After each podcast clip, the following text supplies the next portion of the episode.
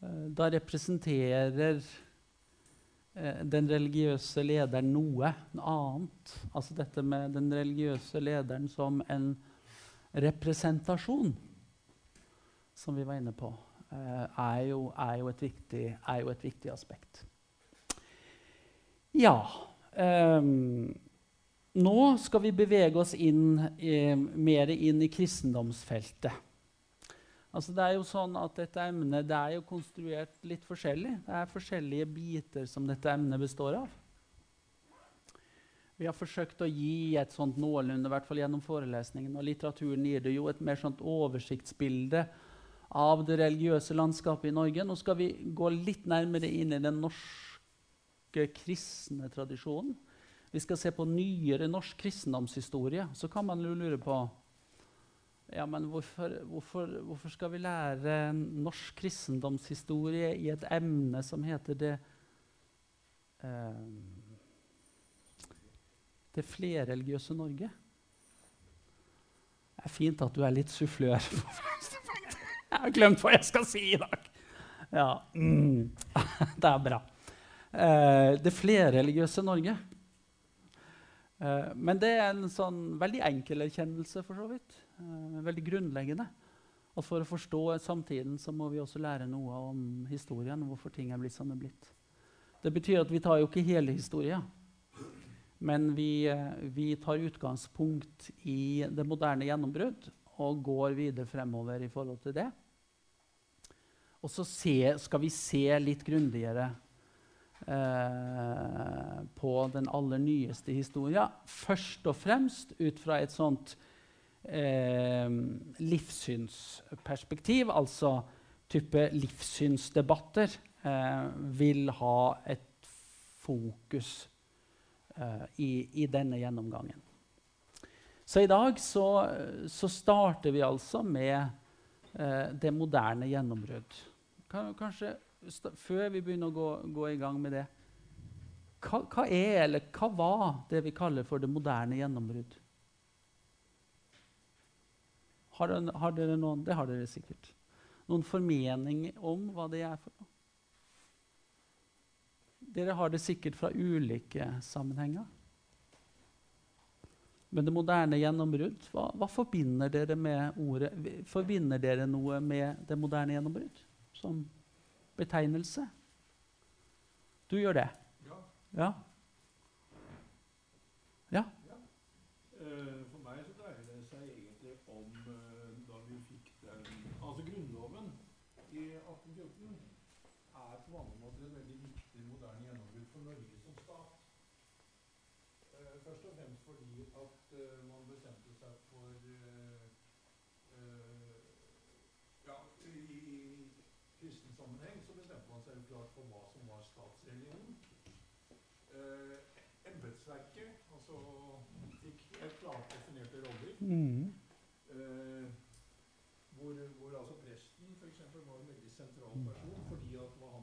som var han som hadde kartoteket. Han visste hvem som bodde i bygda, han visste hvem som var hvem i bygda. Mm. mm. Og han hadde jo mange forskjellige plikter lenge mm. før kommun, altså kommuneloven kom. Mm. Um, og, og, Grunnloven, som ble skrevet i 1814, den mm. hadde en gjennomgripende demokratisk eh, Eller ja, og, så det du sier, og det er viktig, det er at Grunnloven selvfølgelig la til rette for en politisk modernisering av Norge. Og det er jo viktig. Eh, og, men dette tar jo tid. Uh, og det endelige gjennombruddet for dette det handler ikke bare om politikk, men det handler også om politikk. Det endelige gjennombruddet for dette det skjer jo først i siste del av 1800-tallet. Henimot slutten av 1800-tallet. Og det er den utviklinga vi skal følge, men i første rekke på det religiøse området. Nå er det jo sånn at Ting henger jo sammen, selvfølgelig. Men det er den religiøse um, delen kan vi si, uh, av det moderne gjennombrudd som står i fokus her. Men vi må også innom en del andre ting. Istedenfor å snakke om det moderne gjennombrudd kan man jo også snakke om konfrontasjon med det moderne. Eller andre snakker til og med om dette som kultur, en kulturkamp. en kulturkamp uh, Man snakker om kulturkampen i siste del av 1800-tallet. Uh, og hva slags kulturkamp var det? Jo, det var Ja?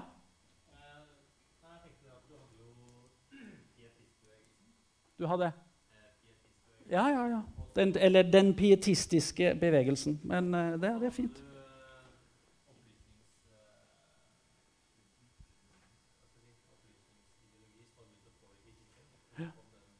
Ja. ja. Ja, men da er du mye på 1700-tallet kanskje, når du leser. Ja, ikke sant? ja, ikke sant? Dette kommer noe senere, men det er viktige perspektiver. Pietisme hadde vi fremdeles.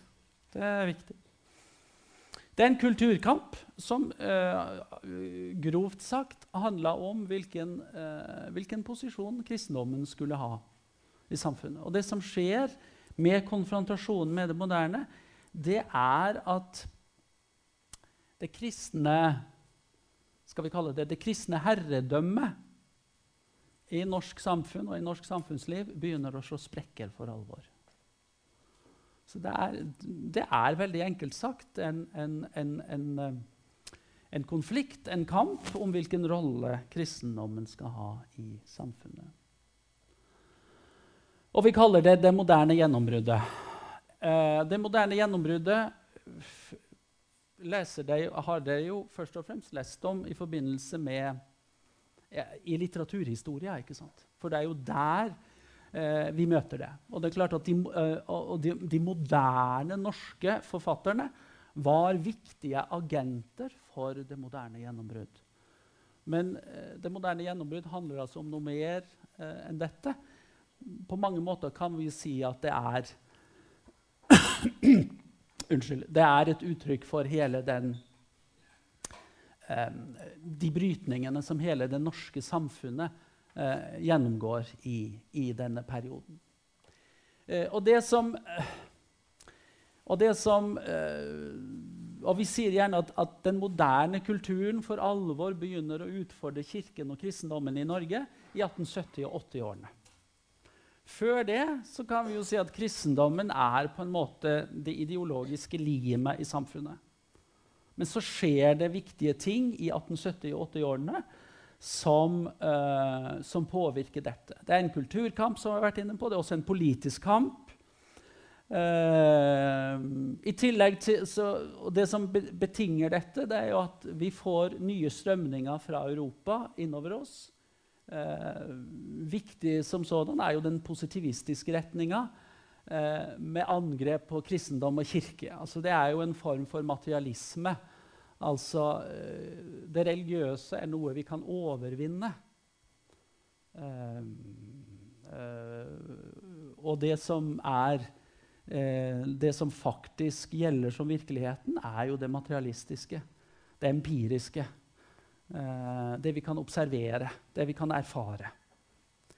Eh, religion, tro, er, er, er, spekulasjon. Det kan ikke gjelde som eh, Det kan ikke fanges inn av vitenskapen. Dermed kan det egentlig heller ikke regnes som virkelighet ut fra et sånn strikt naturvitenskapelig syn. Og Det som er, er, viktig å understreke, det er jo at i det moderne gjennombruddet så får altså naturvitenskapen og nat den naturvitenskapelige tenkninga får på en måte hegemoniet. Uh, og sentrum i dette nye uh, strømdraget uh, Det er jo, som jeg var inne på, naturvitenskapen. Et, et mekanisk eller materialistisk syn på naturen. trua på underet blir umulig. Eller det overnaturlige er umulig fordi det opphever naturlovene.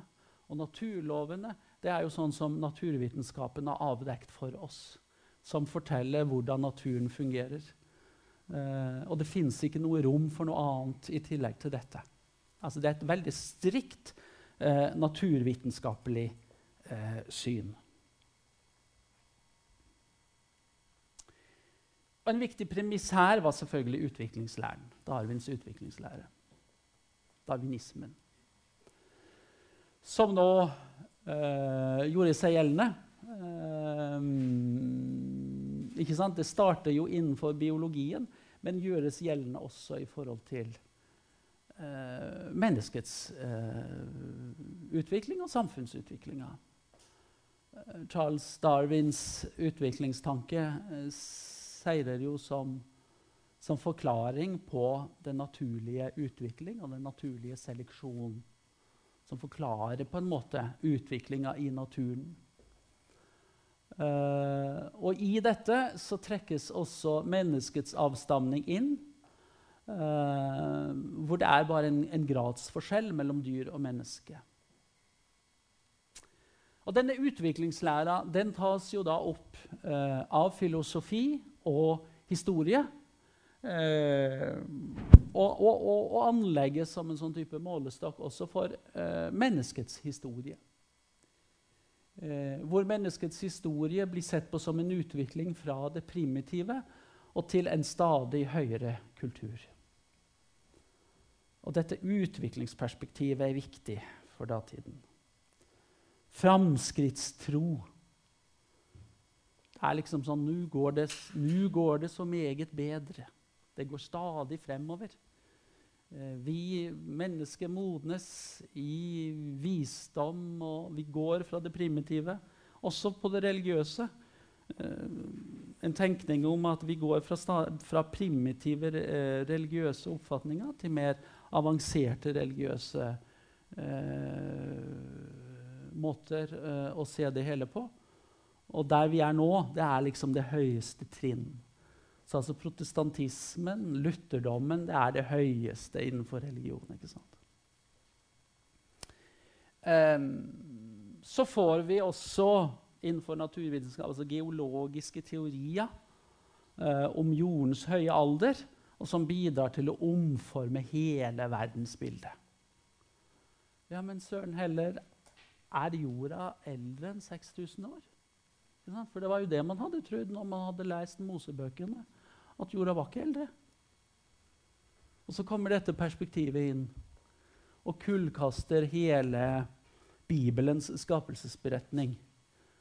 Og det blir ganske Det blir ganske heavy for en del, akkurat disse tingene. Um, så, så utviklingslærens eh, betydning for dette moderne gjennombruddet er, er veldig viktig. Um, ja, litt om, litt om, om Charles uh, Darwin. Um, altså teorien om artenes utvikling gjennom naturlig utvalg. Uh, også teorien om, om, at mennesket stammer fra den samme dyregruppe som apene. Uh, det er klart at Denne teorien var veldig omstridt uh, i religiøse kretser. Og somme plasser, og blant somme så er den den en dag i dag. Ja?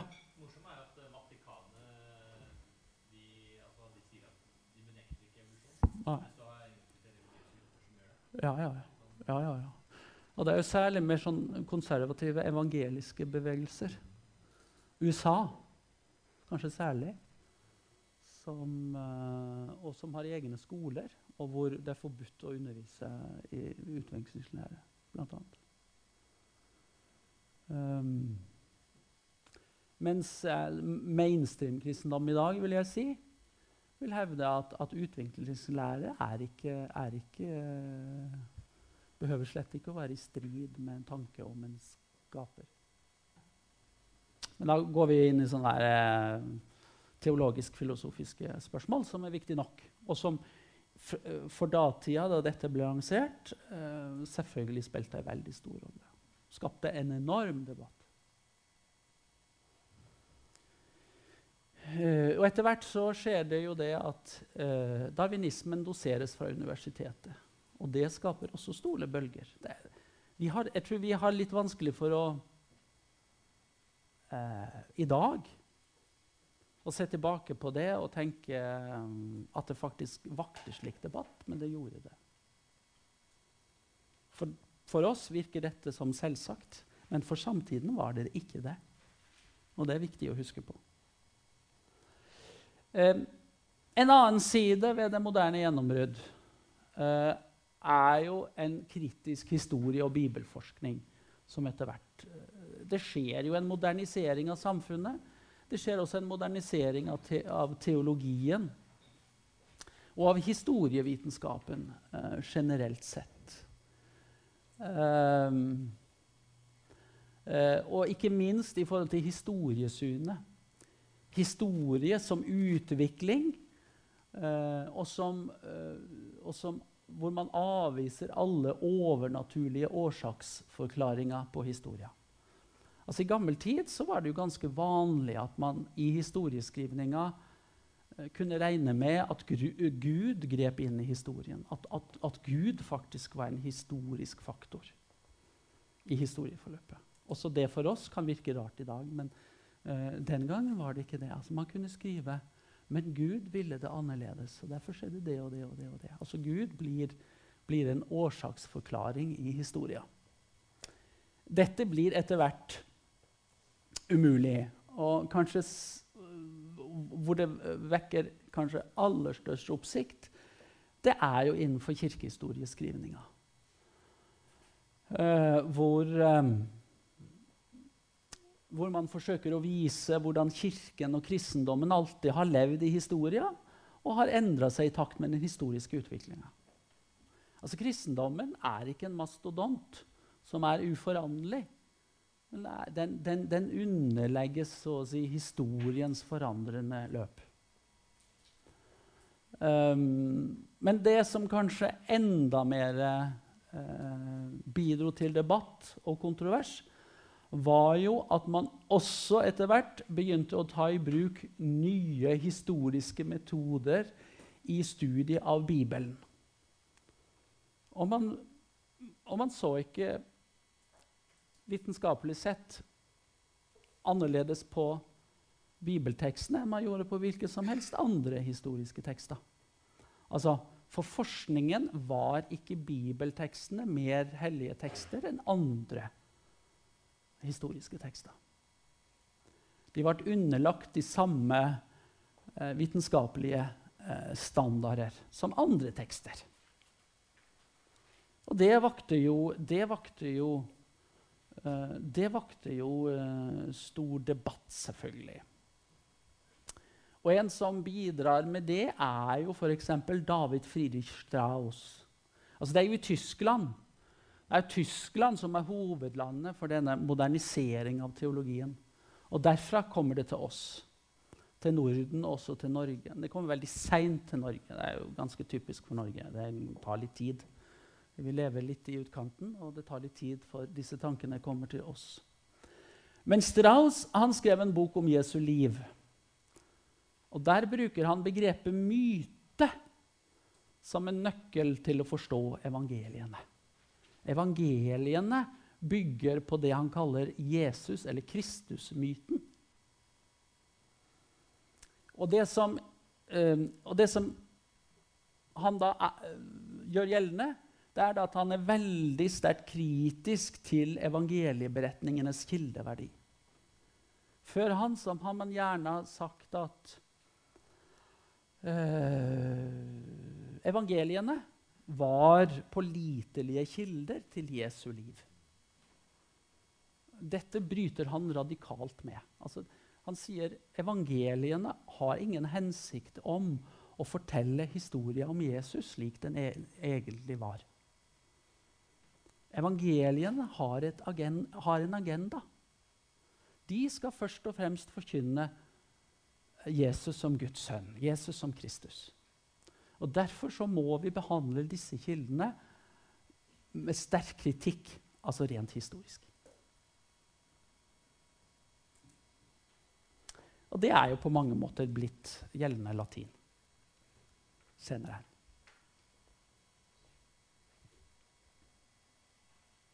Men det vakte veldig stor debatt i samtiden. Alt dette gjør det.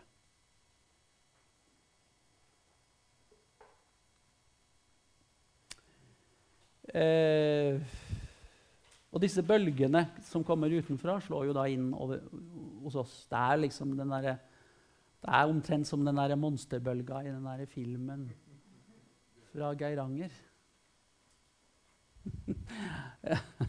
ja. Alt skakes.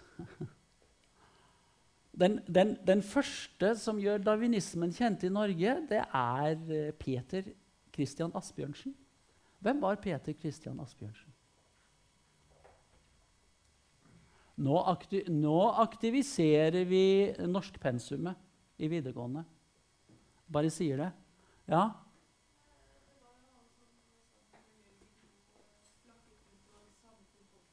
Ja, det fader, selvfølgelig. Asbjørnsen og Mo. Ja. Men han, han er den første som gjør darwinismen kjent ved å oversette Darwins bok fra 1859 til norsk. Og det skjer altså allerede i 1861.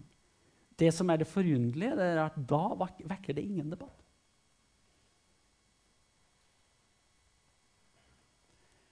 Men det er først i 1870-årene at disse At vi får mer populære uh, utgreiinger om hva, hva, darwinisme og utviklingslære er. Og da kommer debatten. Men av de nyere tingene får vi ingenting i norsk oversettelse. Det vil si, hva, hva, hva er norsk eh, på 1800-tallet? Det er vel egentlig mye dansk. Men i alle fall, det kommer ikke noe ut på norske forlag. Man leser det, i dansk oversettelse. Det skaper veldig stor debatt om darwinismen nettopp i 1870-80-årene. Gjennom først og fremst populærvitenskapelige bøker og artikler. Som gjør at disse tingene blir kjent for allmennheten. Ja?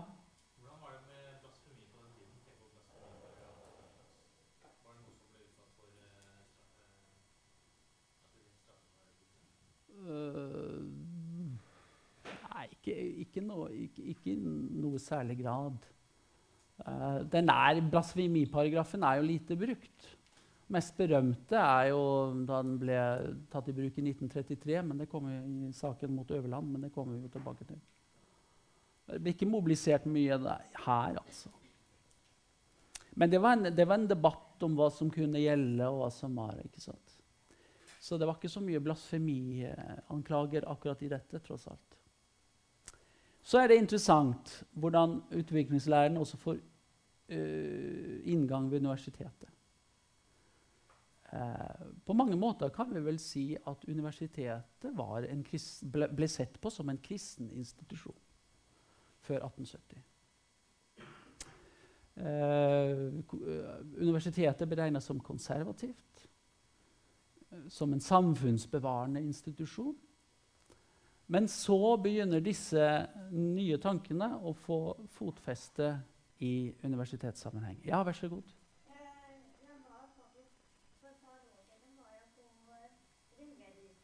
Ja. Ja. Ja. Ja. Ja, ja, ja, ja. det er helt riktig, det. Eh, Mo vet du, kom derifra. Ja. ja. Eh, kameraten til eh, Asbjørnsen. Han kom derifra. Ja, så der, der, hadde også Asbjørnsen bodd og overnatta. de var jo gode busser. Ja, ja ikke sant? Ja, ja, ja, Og de var jo veldig viktige hva, hva vi skal si den, i den nasjonale oppvåkninga i Norge. Det å ta vare på folketradisjonen og folkeeventyrene og samle det inn og bringe det videre. Så det var jo et viktig del av uh, den nasjonalromantiske bevegelsen i Norge midt på 1800-tallet. Det, det, det, er helt korrekt. Eh, på, på, universitetet så kom altså eh, etter hvert utviklingslæren. Og det skjedde da Ossian Sars ble utnevnt som professor i zoologi i 1874.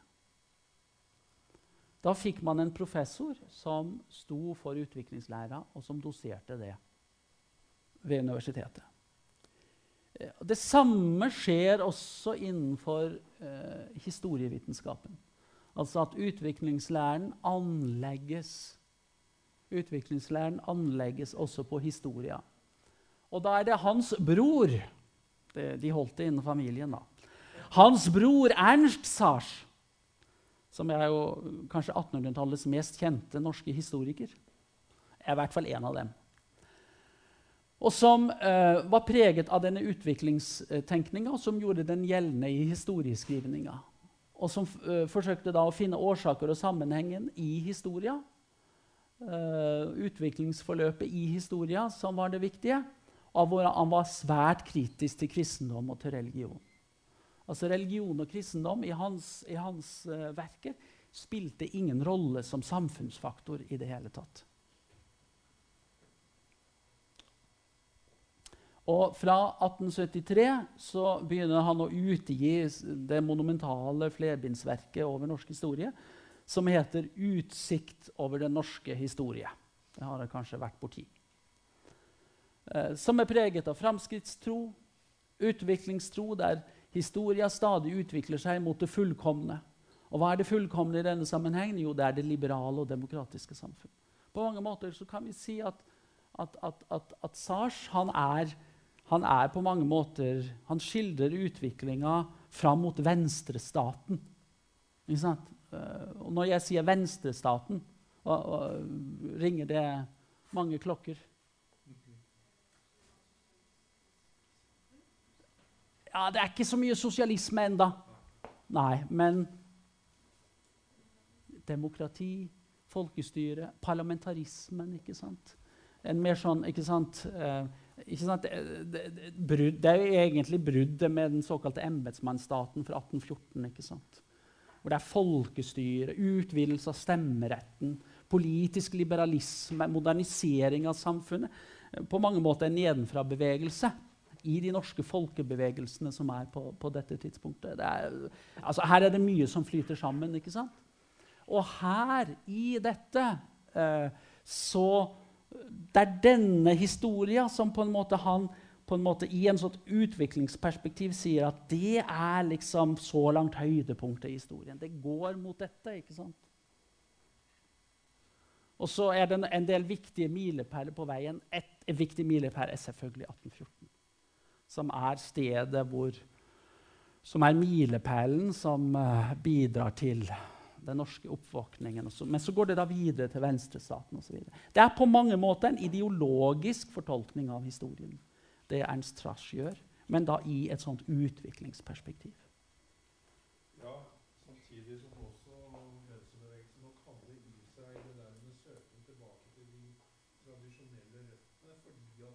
ja, ja.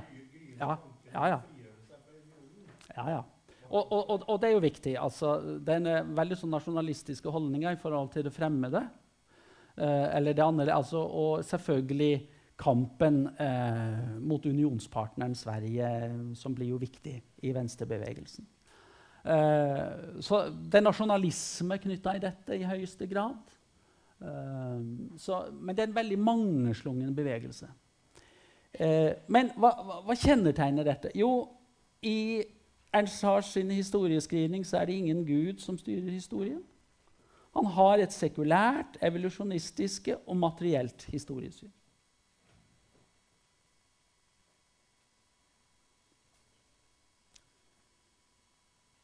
Og Vi kan altså i denne tiden snakke om universitetets sekularisering. Altså Utgangspunktet var, som jeg sa, universitetet er ble regnet som en kristen institusjon. Uh, men vi, får det vi kan kalle for universitetets sekularisering. Tilsettelsen av Ernst Sars i 1874 var omstridt, og om mulig mer omstridt enn ansettelsen av broren Ossian Sars. Og Det som er interessant, og som dere sikkert har hørt om, det er jo professor Lockmans Har dere hørt om professor Lockmanns immatrikuleringstale, som han holdt nettopp i 1874, hvor han holdt et oppgjør med den nye tidsånd. Mot darwinisme, mot utviklingslære. Det som er interessant, det er at professor Lockmann er professor i medisin. Og går altså mot darwinismen som professor i medisin. Det er ingen teolog ingen ved Det teologiske fakultet som står og opponerer mot eh, darwinismen. Det gjorde de jo selvfølgelig eh, også, men ikke offentlig. Nei, det var det Lockmann som gjorde. Og Lockmann, hva var han spesialist på? Jo, han var eh, han, han, var eh, han, var spesialist på smitte. Altså hvordan, hvordan sykdom smitta. Og nå vil han bevare det norske samfunnet fra darwinismens farlige smitte.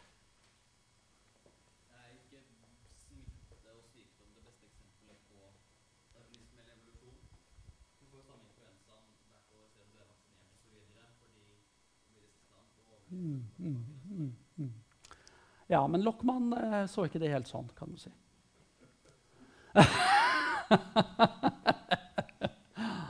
Vi har jo lært noe etter det, da, kan du si. Men Lockmann så det ikke sånn.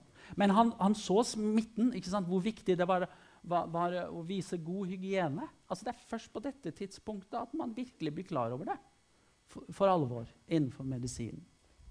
Men han sier han opponerer mot det han kaller materialismens ånd, som er gått ut fra naturvitenskapen. Han er selv naturvitenskapsmann.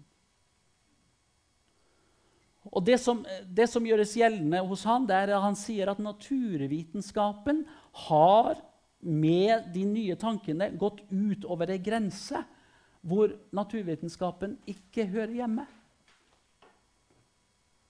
Naturvitenskapen har på en måte erobret et større rom enn det som er rettmessig. Og For Lockmann så er universitetet en kristen institusjon. og Det er viktig å bevare de kristne verdiene. Uh, og Derfor opponerer han mot dette nye syn. Altså, Naturvitenskapelig tenkemåte har ikke noe i historia å gjøre eller i teologien å gjøre. Altså, man må, man må ikke gjøre den større og viktigere enn den er. Men det er klart at Lockmanns syn er på defensiven. Um, det som er interessant i denne immatrikuleringstalen, det er jo det at, uh, at uh, Lockmann faktisk viser til Det teologiske fakultet ved Universitetet i Kristiania og sier at se på Det teologiske fakultet. Se hvilken enhetlig ånd som der råder. Der er ikke strid eller splid osv.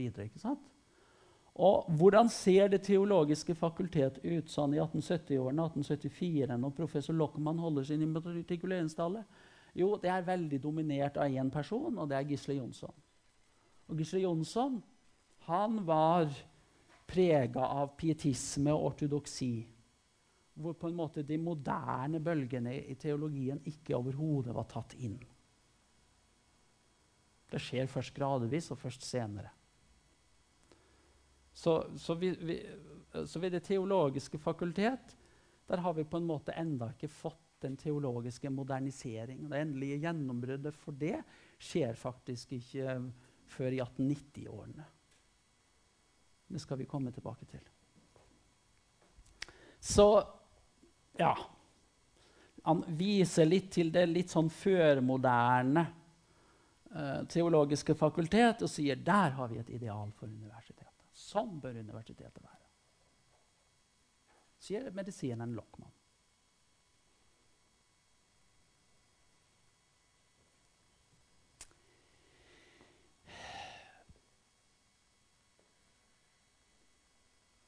Det er et navn som er veldig viktig i Norden når det gjelder Som fanebærer, kan vi godt si, for, uh, for uh, det moderne gjennombruddet. Og det er Georg Brandes.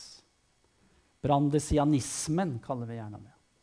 Han er på mange måter fa fanebæreren for dette innenfor kulturlivet, og særlig innenfor litteraturen. Eh, litteraturkritiker.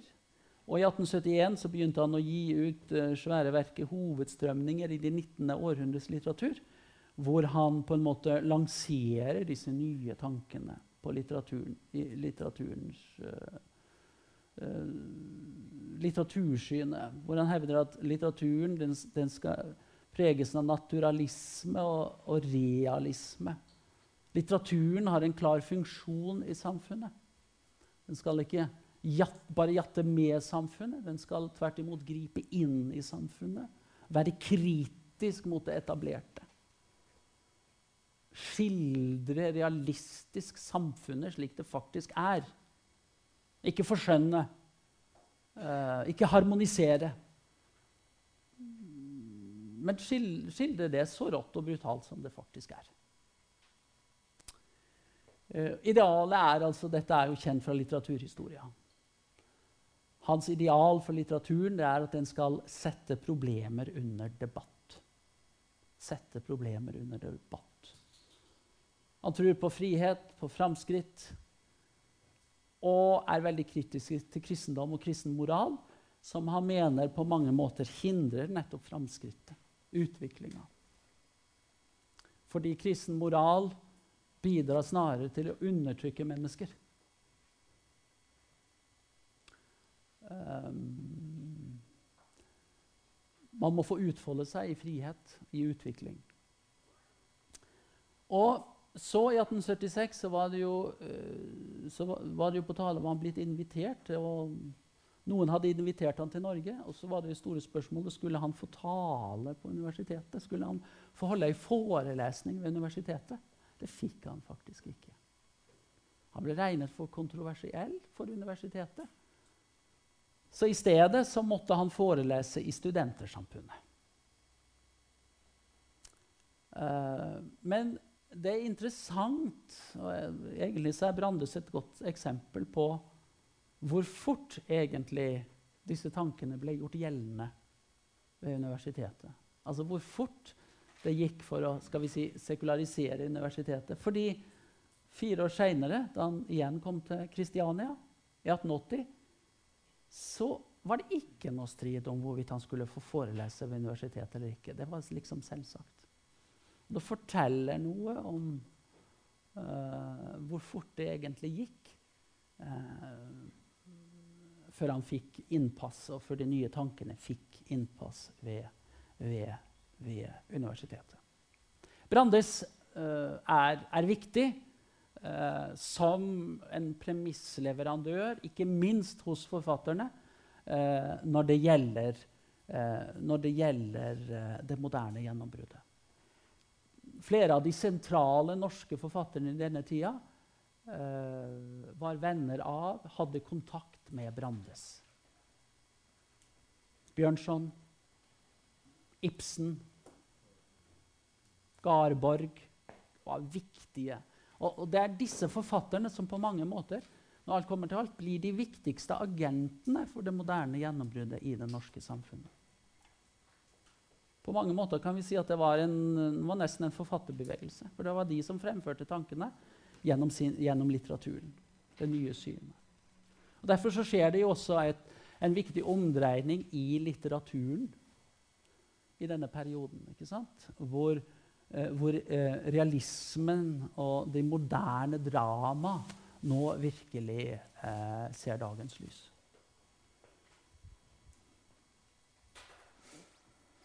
Ja, her er uh, Georg Brandes, som da tar et oppgjør med romantikk og kristen etikk. Og påvirker forfattere som f.eks. For Ibsen, Bjørnson og Kielland. Kielland uh, er et viktig tredjenavn selvfølgelig også i dette. Jeg må bare finne ut hva klokka er.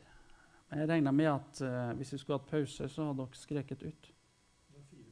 Ja, ikke sant? Det er jo et hav av tid. Der står klokke der. Takk og pris. Det var jo en veldig bortgjemt plass. Ja, nok om det. Jeg er vant til å se der, men der står den ikke. Gammel vane er vond å vende. Ja. Forfatterne og det moderne. Bjørnson er jo viktig her.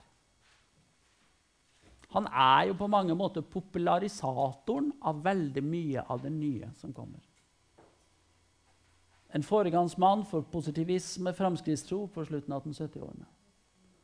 Går til angrep visse, i, uh, på visse elementer innenfor kristen tro, f.eks. lære om helvetestraffene og forestillinga om en personlig djevel. Det er Bjørnson veldig lite for, og han polemiserer mot det. Ytrer også tvil om den kristne trosbekjennelsen. Og hans motdebattant er presten J.C. Høek. J.C. Høek han blir etter hvert biskop. Men J.C. Høek han anklager Bjørnson for det han kaller åpenbar Kristusfornektelse. Bjørnson på sin side ser det som et kall for seg å informere allmennheten om bibelforskningens resultater. Og det er interessant. Den første som på en måte gjør dette kjent i Norge, det er ikke teologene ved Teologisk fakultet. Det er Bjørnson. Og Bjørnson er jo ingen fagmann på dette området. Bjørnson er jo ingen teolog. Men han hadde lest utenlandske bøker, og så skriver han om dette og holder foredrag om dette. Og på den måte så gjør han på en måte disse eh, tingene kjent for et mer allment publikum. Så han blir i dette henseende en viktig opplysningsagent, kan vi godt si.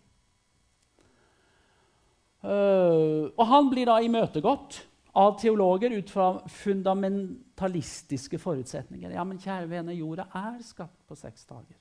Og på den sy syvende dagen så hvilte Herren. Sånn ble jorden til. Bjørnson tar feil. Bibelvitenskapen i Tyskland tar feil. Og, og, sånn går det. Veldig stor debatt. Og faktisk er dette den første konflikten mellom liberal og konservativ teologi i Norge. Den første konflikten og, og, og gir et, et liksom varsel om uh, hvilken storm vi egentlig har i vente. For vi har virkelig en storm i vente når det gjelder strid mellom konservativ og liberal teologi i forbindelse med modernisering av teologien. Det er faktisk en strid som vi den dag i dag kan kjenne etterdønningene igjen av. Vi kjenner etterdønningene av monsterbølga.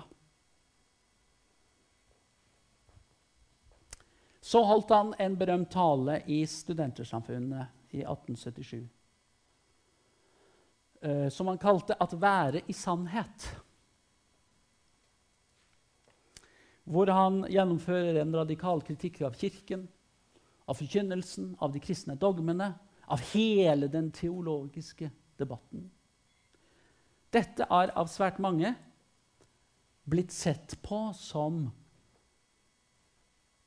Bjørnsons brudd med kristendommen. Men det tror jeg ikke det er. Han er kritisk, men han bryter ikke med kristendommen. For han sier, hvis man leser dette foredraget så sier han at han ønsker å forbedre kristendommen. Han mener at kristendommen må være i sannhet ut fra den nye tid. Men han bryter ikke med den. Han vil endre den, han vil forandre den, han vil forbedre den. Han bryter ikke med den. Og eh, eh, Bjørnsons eh, biograf, eh, Edvard Hoem, som har gitt ut er det to eller tre svære bind av en, av en, av en Bjørnson-biografi. Han sier jo at han tror egentlig så brøt Bjørnson aldri med kristendommen helt ordentlig. Han var veldig kritisk, men han tumla med disse spørsmålene helt til sin død. Han var veldig kritisk, ja. Men, men, men, men uh, han klarte ikke å slippe disse grunnleggende spørsmålene om religion og, sånn, og tro og den type ting. forutsetninger.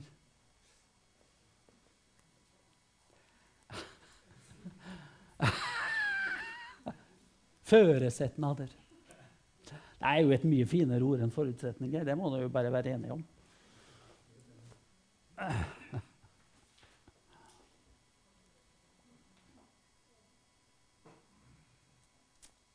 Ja.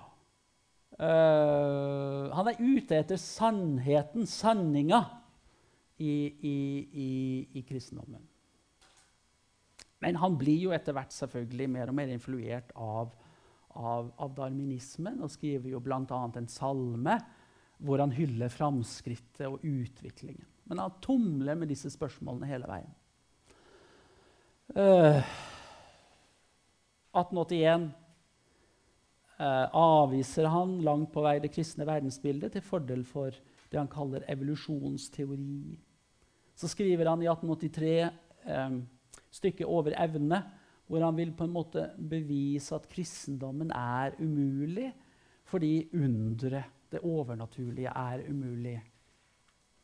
Altså, altså, han tumler med disse spørsmålene hele veien. Hele veien um, og det handler jo faktisk ho Hovedpersonen i Over evne, det er en prest. Uh, denne presten blir sikkert litt gal. Det høres for meg ut som han må ha blitt gal. For han får det for seg, denne presten, at han kan oppvekke folk fra de døde.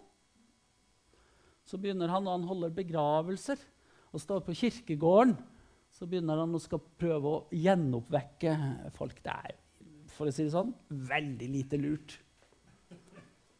Uh, og ja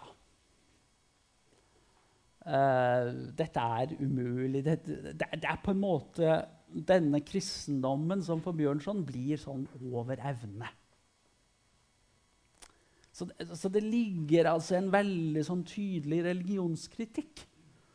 Og jeg tror vi kan kalle Bjørnson for en av de, de sentrale og kanskje tidligste religionskritikerne i Norge. Fordi han kritiserer religion og religiøse forestillinger. Men nå har jeg jo gått over den tida, ikke sant? Eh, og jeg syns jo dere har fortjent et kvarter. Så skal vi si at vi møtes her igjen ti på halv.